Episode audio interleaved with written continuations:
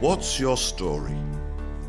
This is a podcast about dyslexia and about the conceptual way of thinking that is typical for people with dyslexia. The podcast is made by Sjan Verhoeven and Gertrude Boersen from Dynamica. They are both coach and trainer for adults with dyslexia and related phenomena like ADHD, dyscalculia, autism, and high giftedness. They assume that people with these phenomena are all conceptual thinkers. If you know that and know how this way of thinking works, it is possible to have an easier and more successful life and to be able to function more effectively in your study or work. In these podcasts, they share their knowledge, or Sjan interviews people with dyslexia who want to tell their own story. A story about labels, their different way of thinking, their setbacks, the benefits of conceptual thinking, and their success stories. Sjan speaks from her own experience. She has dyslexia, dyscalculia, and ADHD herself.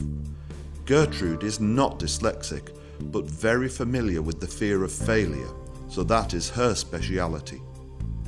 Both are Dutch, so their English is not perfect, but they think their message is important to share with others. Welcome, Thank you. Anne-Marie Hartman.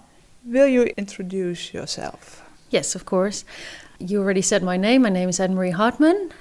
I can say something about uh, my work, what I do for a living. I used to be a teacher at secondary school. I used to teach English. I no longer do that. I've been doing that for more than 10 years.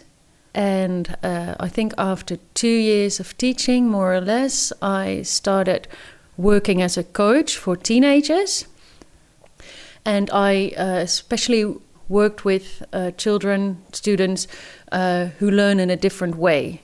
And so often there were students who had dy- dyslexia or ADHD or were highly gifted, or were in the spectrum of those labels, or just couldn't fit in the system, didn't fit in the system, and needed something else than school or the teachers could offer. And um, so I started working as a coach, and after a couple of years, I also started working as a coach for adults. And this is what I'm doing actually uh, at the moment. I only work as a coach for uh, teenagers and adults who uh, learn in a different way than our education system uh, works. And uh, for adults, it's more about work than school, and uh, of course. And uh, so I help them with how they think, their thinking skills, and uh, also fear of failure, and that they can grow their in, grow in their confidence and develop their own way of learning and working. And you are Dutch and you are working in uh, the Netherlands. Yes, that's true. Yeah. Uh, the first question is why are you so passionate about different learning? Okay, good question. Because I was a different learner myself. I think that already started at elementary school. I don't have you know, really good memories of uh, pro- elementary or primary school.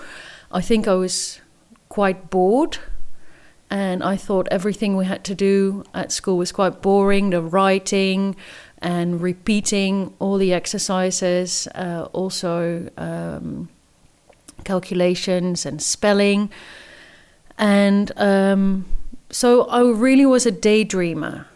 And when I went to secondary school, I uh, had trouble with languages, especially foreign languages, so English and French. And because uh, that's what you have in your first year at secondary school in the Netherlands, and also Dutch.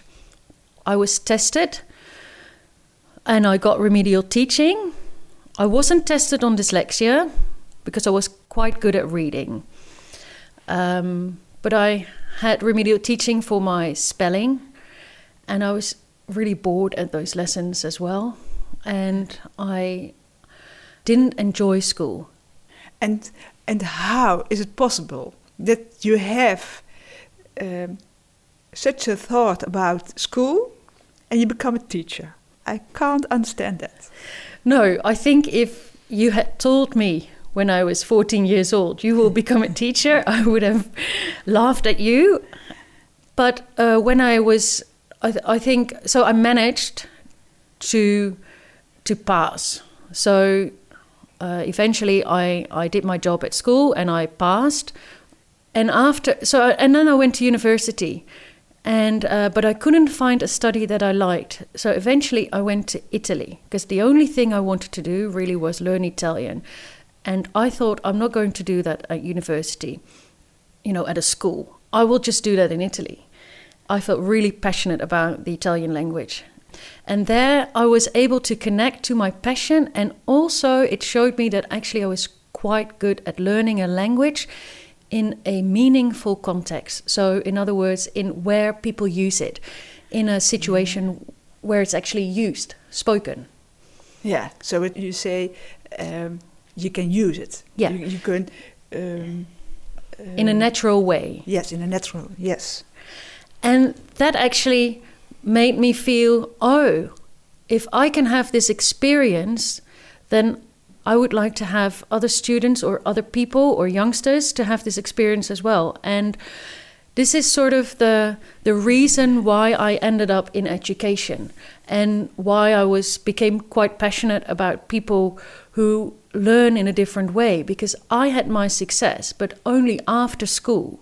Yes. And I thought it's so important to create this success in school because I ended up having, um, you know, self doubt, low self esteem. I didn't feel very confident about myself and about my learning abilities because I was never challenged at school and I, I, was, I wasn't really, you know, encouraged to work to my strengths and to confidence in those strengths as well. And when we talk about school and learning, um, are you agree that the most important thing at school is that you are challenged? That, that is also what you do now in the in your work.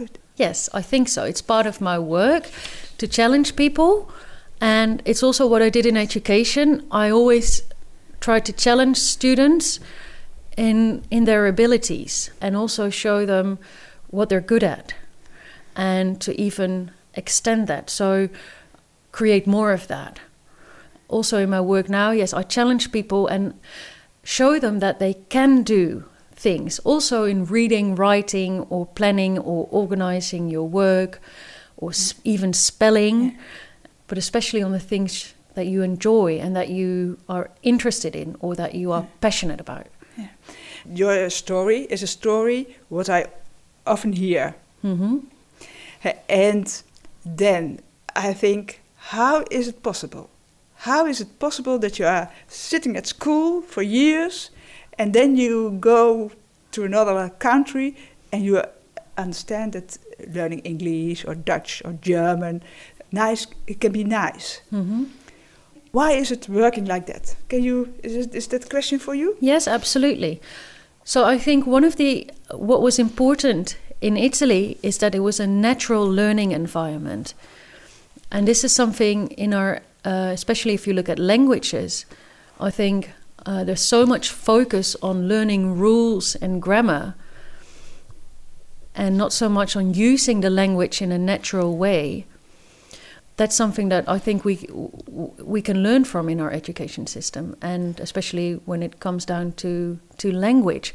So make it meaningful. So teenagers feel, or we're talking about teenagers now, because in the Netherlands we have English and German and French in secondary school, that they can use it.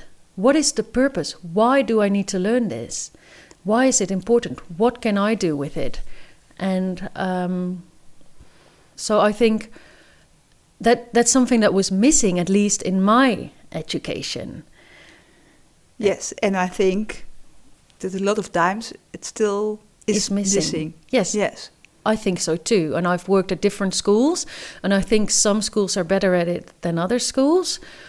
But yeah, I think the natural learning environment is important. Create an environment in which natural learning is stimulated.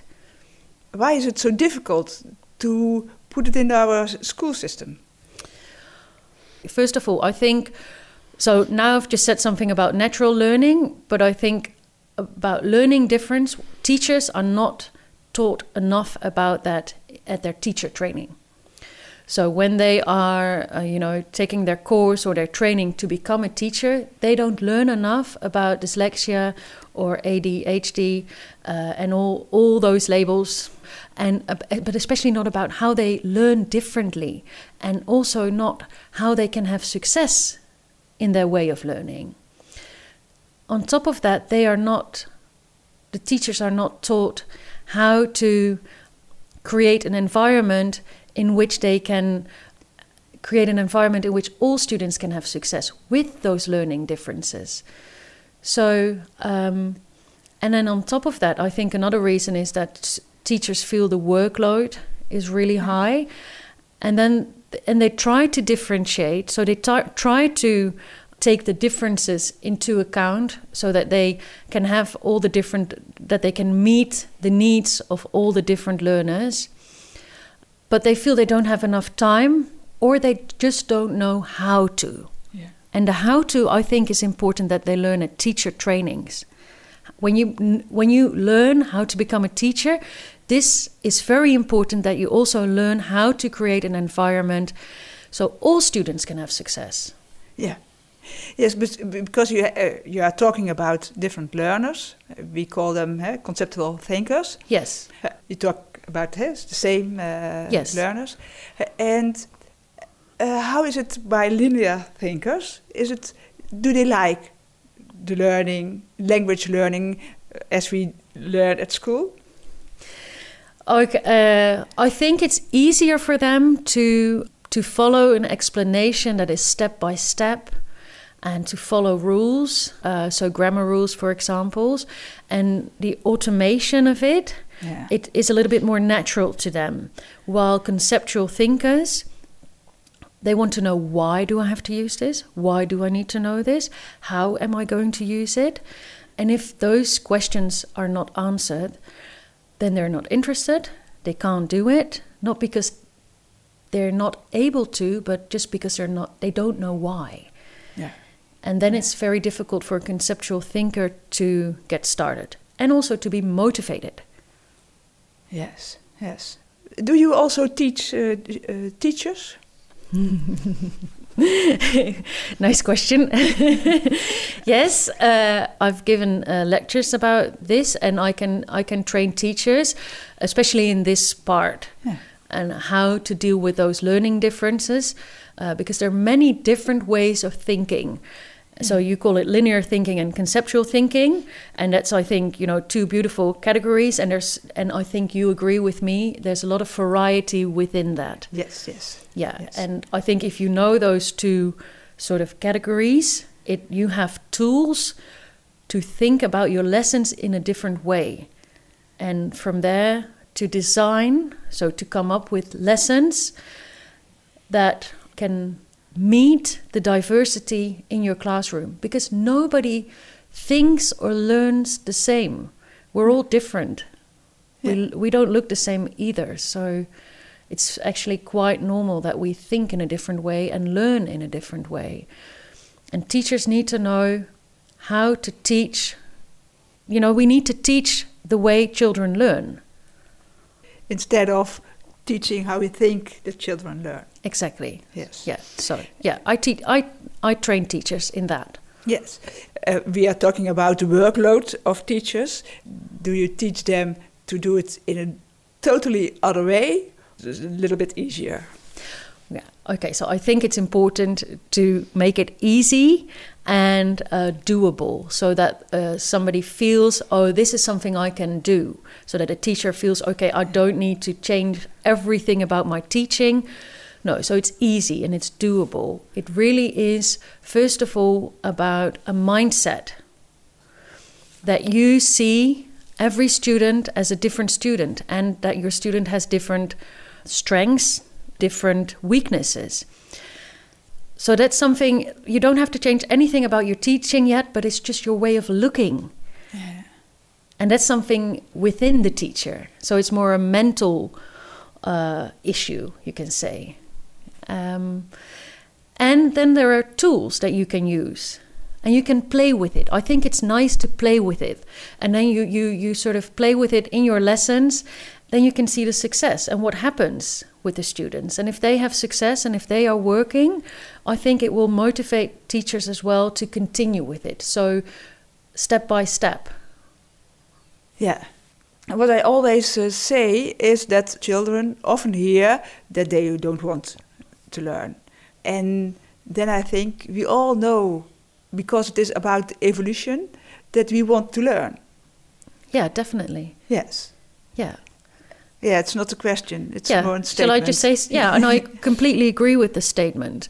And uh, every child wants to learn. Yes. Every every learning is about growing and developing. So making progress. Yes. Everyone wants to learn. Yes. So when a child is bored in the classroom, then we have to think and to look why is he bored.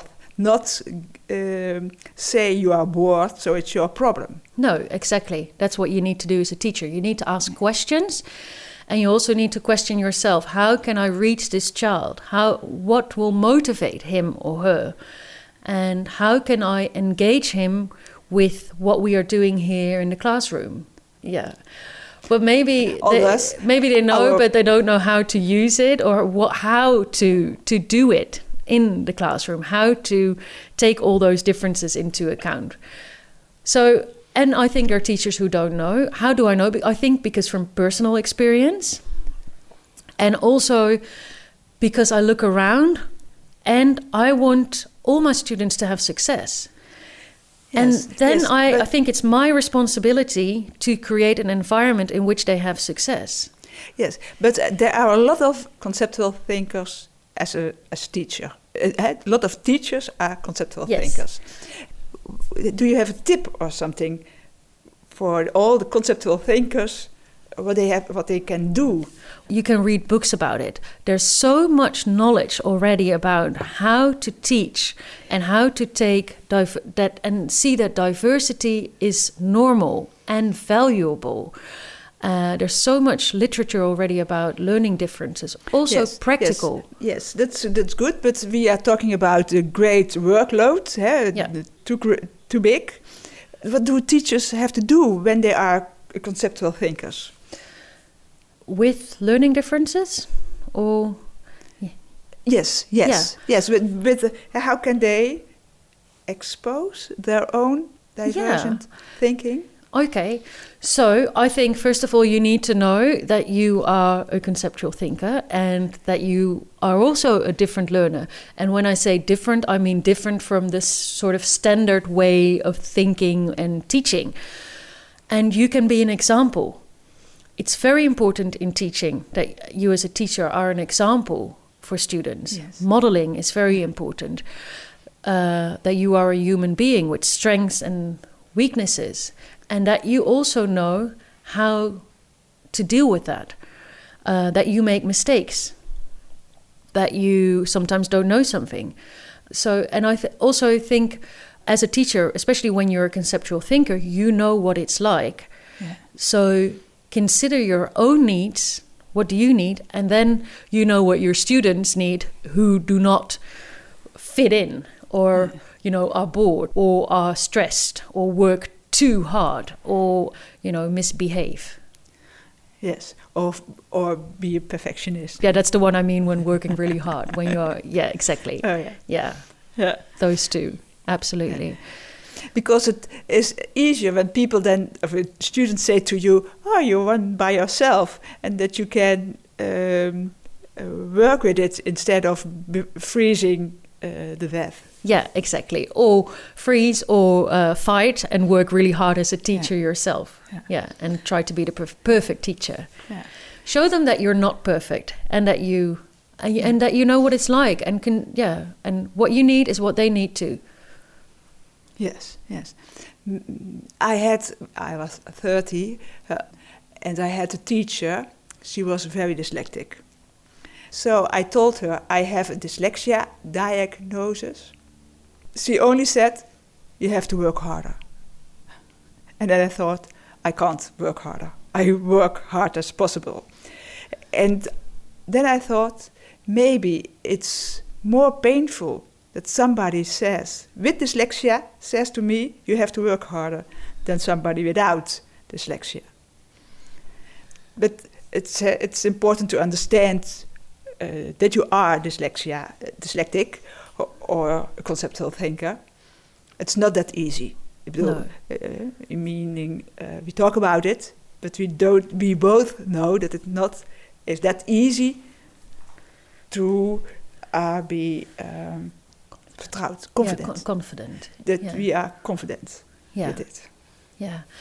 And can I say something Mhm. about that? I also, therefore, I think it's it starts with teachers that they have knowledge about learning differences, that the brain is not standard, so there's no standard way of learning, and that that is the norm. That there's diversity in learning and diversity in processing information, and that therefore there are different strengths and weaknesses. Young children already know, you know, from a young age on, uh, who's good at reading or good at Yeah. PE or good at maths, but also weak at spelling or maths or PE. So, and that should be a norm. Why is that? Why do we all have to be good at learning step by step, focus, sit still, and, um, uh, you know, at language?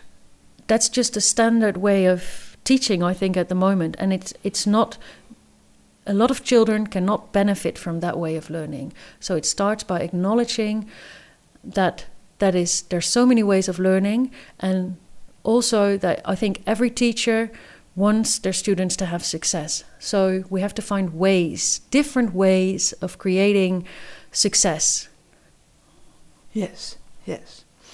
So that's uh, nice, right, what you say. And how are you doing that in your um, own company?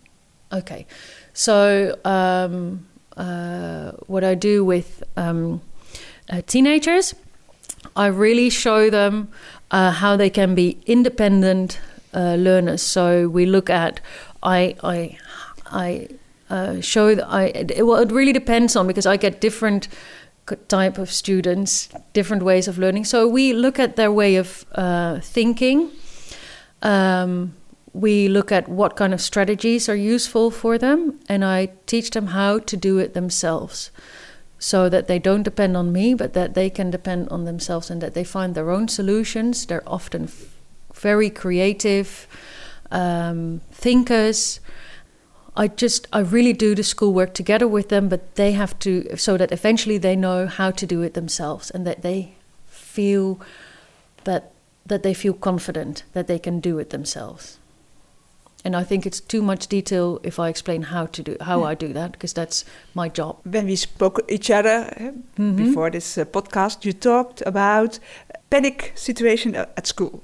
Yeah, Yeah? Uh, Can you th- tell them that students panic. the students panic uh, by the exam?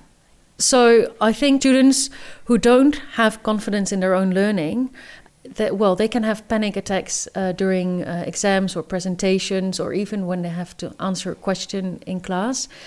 What is important, I think, is that they find out where does the stress or the panic, uh, where does it come from, or what is it related to, especially often it, there's something that they have an idea about their own performance. So, you know, I cannot speak in public hmm. or I cannot read out loud or and they often have an idea because, you know, this is a certain norm I should have as well because the others can do it and I cannot do it as well as them.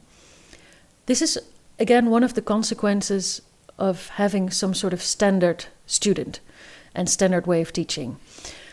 So what is important is finding out so where does it come from? And then also that they can really appreciate what they can do and that the stress uh, reduces that it becomes less.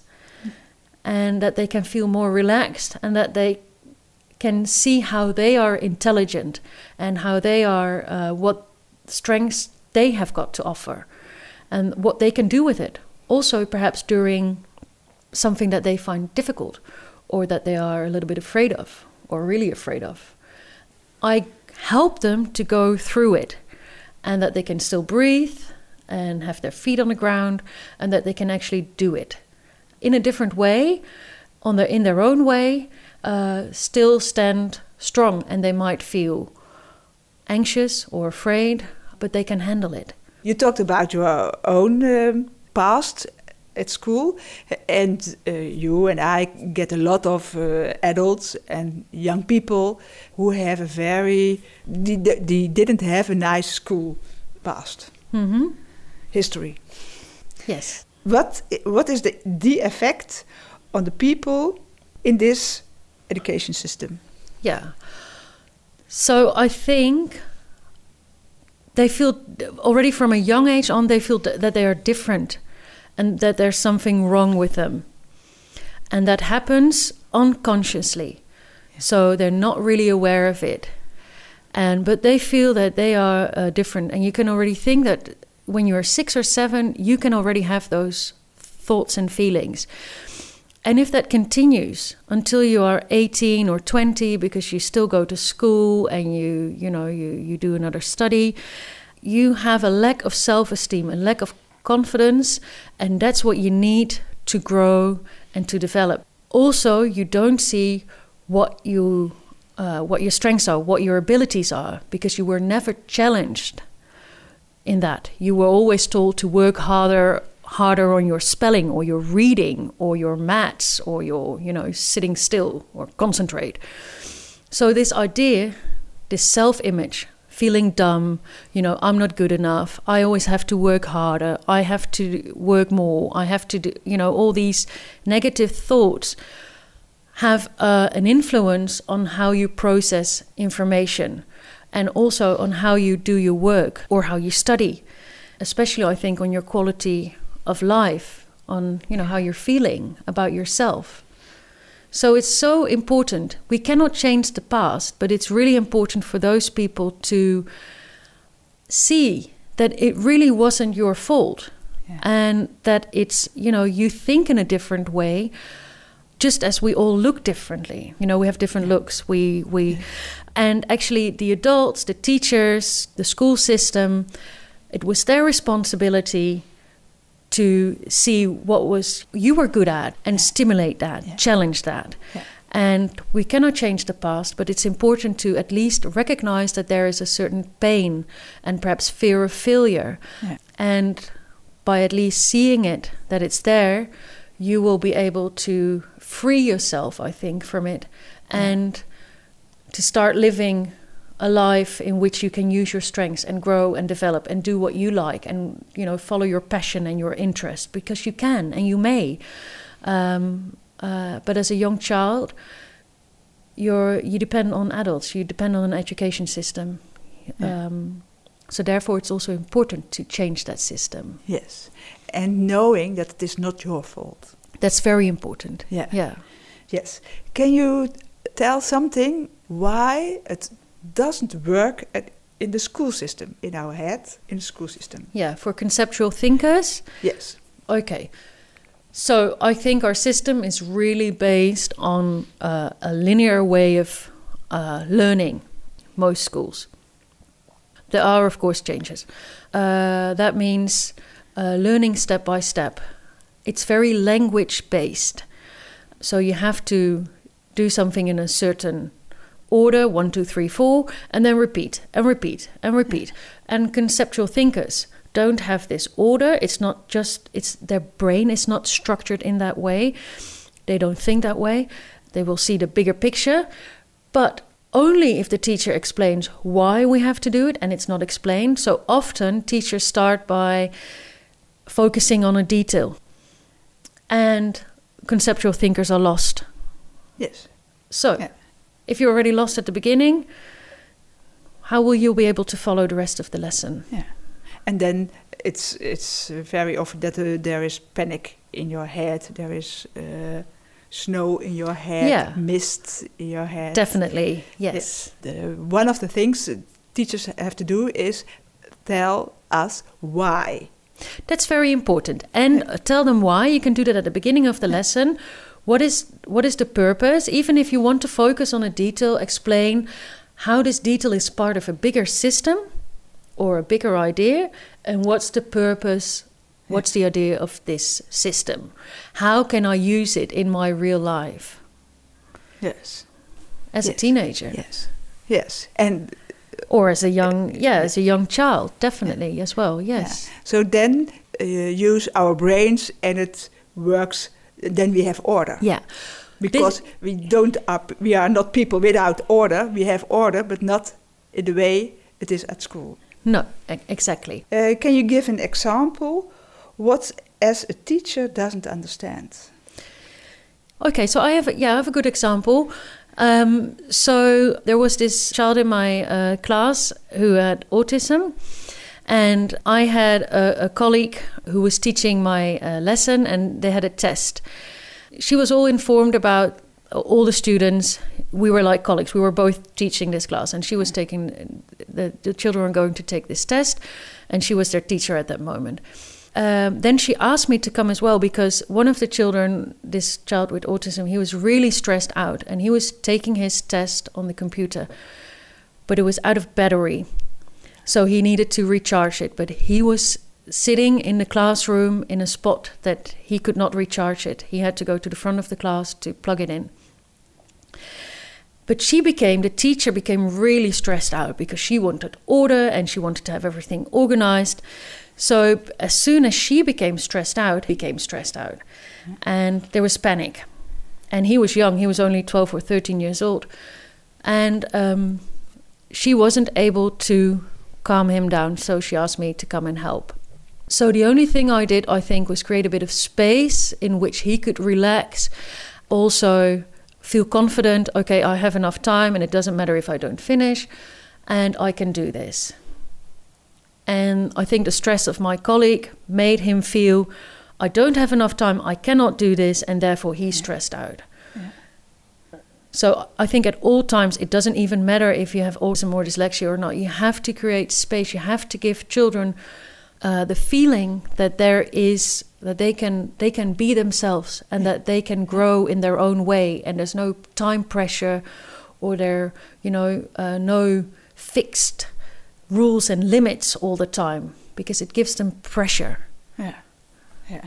So even if uh, teachers don't understand what's happening or don't understand the, the conceptual thinking or different Mhm. learning, even then they have the responsibility that it works at school. That they have the Yeah. children have the s- space for learning. Yes, exactly. And I think one of the easiest thing that you can do as a teacher, and you don't need to read all those book about books about conceptual thinking, etc. You don't even need to know, but you need to ask questions. Yeah. What can I do for you Yeah. at this moment? Yeah. Do you need to take a break? Can I help you with that? Does somebody need to go with you? Uh, but I think, and we, I can say something about that as well. She became really stressed out because she wanted to be perfect. Yes, yes, And I think as a teacher, it's important that you know uh, what frustrates you, what irritates you, what stresses you out. yeah, Because if you don't know, you will communicate that to your students yes, unconsciously. And they will react immediately, especially teenagers. They're very good at that. They will Yeah. right away tell you what's wrong yes, and you may not like it but often it's the truth so Yeah. And if you don't accept that you will have you know an even more uh, tensed learning environment but I, I think it's important that you know why you are stressed or what stresses you out and it's normal accept it we're all human beings Yes. with emotions and again be the example yes, for children Yes. for students Yes. for teenagers you, yes. I think that's the best tip. yeah i Be yourself, and it is also very difficult. yeah but it is well very it is very important. Yeah. Uh, Yeah. Can I give an example from that? Yes. It was. I think I was. Yeah. I was a teacher. I was. My first no it was my second year as a teacher, and um, when students, were, it was my class with first years, and when they forgot their books, I said that's very human. You know, we forget things. We it it happens, and of course, students who forgot their books all the time. I had a different talk, but you know, if it happens one time, this was my response. And one time I was t- I was going to teach, and it was right after the break, and I forgot my books. So one of the students said, "Oh, Miss, that's only you." it happens, and I had to go back and to get my books. And I thought, okay, this is it's just such a small thing, but he remembered. Yeah. It's it's normal. We make mistakes. We forget things. We, you know, and this is learning. Yeah, and then if you can say that to yourself, it gives your yourself space, so you can teach easier. Yeah, and we had a bit of a laugh because Yeah. of he he said Yeah. that, so it Yeah. was all relaxed and And then they pay attention. true. Yeah, yeah. Um, is there something what you want to tell what I didn't ask? So, re- related to the teaching, I think the teacher has to see uh, his or her role really as a facilitator, as somebody who creates an environment in which students are the workers and you monitor the learning process. You think about the instruction, uh, the activities, the learning goals, so what they need to learn, and, and the different ways of getting there, so especially the different ways, not only one way. Then you are able to facilitate. You can walk around. You can uh, evaluate with them on the learning process. So I think that's that's really important for teachers as well. A tip for uh, younger people, eh, for the, uh, the students at school? I think when you feel that you are different and maybe you feel a bit awkward about it, or you feel, oh, I'm always slower, or I have to work harder, I think it's important. I, I can almost with 100% certainty say you are not, everybody's different, and you're good at something, and find out what you're good at. Try to focus on that. Everybody's afraid of something, and it's part of who we are as human beings, I think. And know how your brain is working and know you are not the only one. Yeah, but how are they going to find out how their brain is working if nobody explains it? Yes, but if you hear this podcast, then you know something is different. So you know that Yeah. you are a conceptual thinker or a different learner. Yeah. Different learner is not a stupid learner No. or uh, disordered learner. Different learner is an, another way of learning. Yeah, and I want to say different learners, everyone is a different learner. So not those with dyslexia or ADHD, etc. It's everyone. Everyone is a different learner Yeah. because no, nobody is the same. No. No, No, but sometimes point. you feel you are different, and I just want to say you are not different. Everyone is different, and everyone is part of, uh, and we're all the same. Yeah. So Yeah, and that's that's nice one because you are uh, totally different from me, and we are do we do the same work, and we are both good at it, and um, we both understand how it works, and also we are both different. Uh, we are different from yes, each other. exactly, and Yeah. that's a great example, I think. Yeah. yeah. And the one dyslexic is not the other dyslexic. Do you have uh, tips of a book, for books? Yes, I think parents or teenagers, I think uh, reading books about how the thinking works and that your brain is, uh, that there are different brain structures. The book Dysle- Forward with Dyslexia is a good one, written by you and uh, Gertrude. Thank you. Also, the book from uh, Eide and Eide, Dyslexic Advantage in English. Yeah. That's the English version. It's also uh, translated into Dutch. Yes. Yes, and they talk about the different manners of uh, conceptual thinking. Yes. That's what uh, I call that. Yeah, and I think it, they're both books are very good at focusing on you know how it works and also how your brain works and also your strengths. And especially the book Forward with Dyslexia focuses on uh, confidence and uh, fear of failure. Yeah. Um, and for teachers, I would definitely recommend books about universal design for learning. Uh, I don't have a title for that, but there uh, um, there are many good books. It really focuses on how diversity is, how you can focus on diversity in the classroom. And how, where can they find them? Amazon. Yeah. Yeah.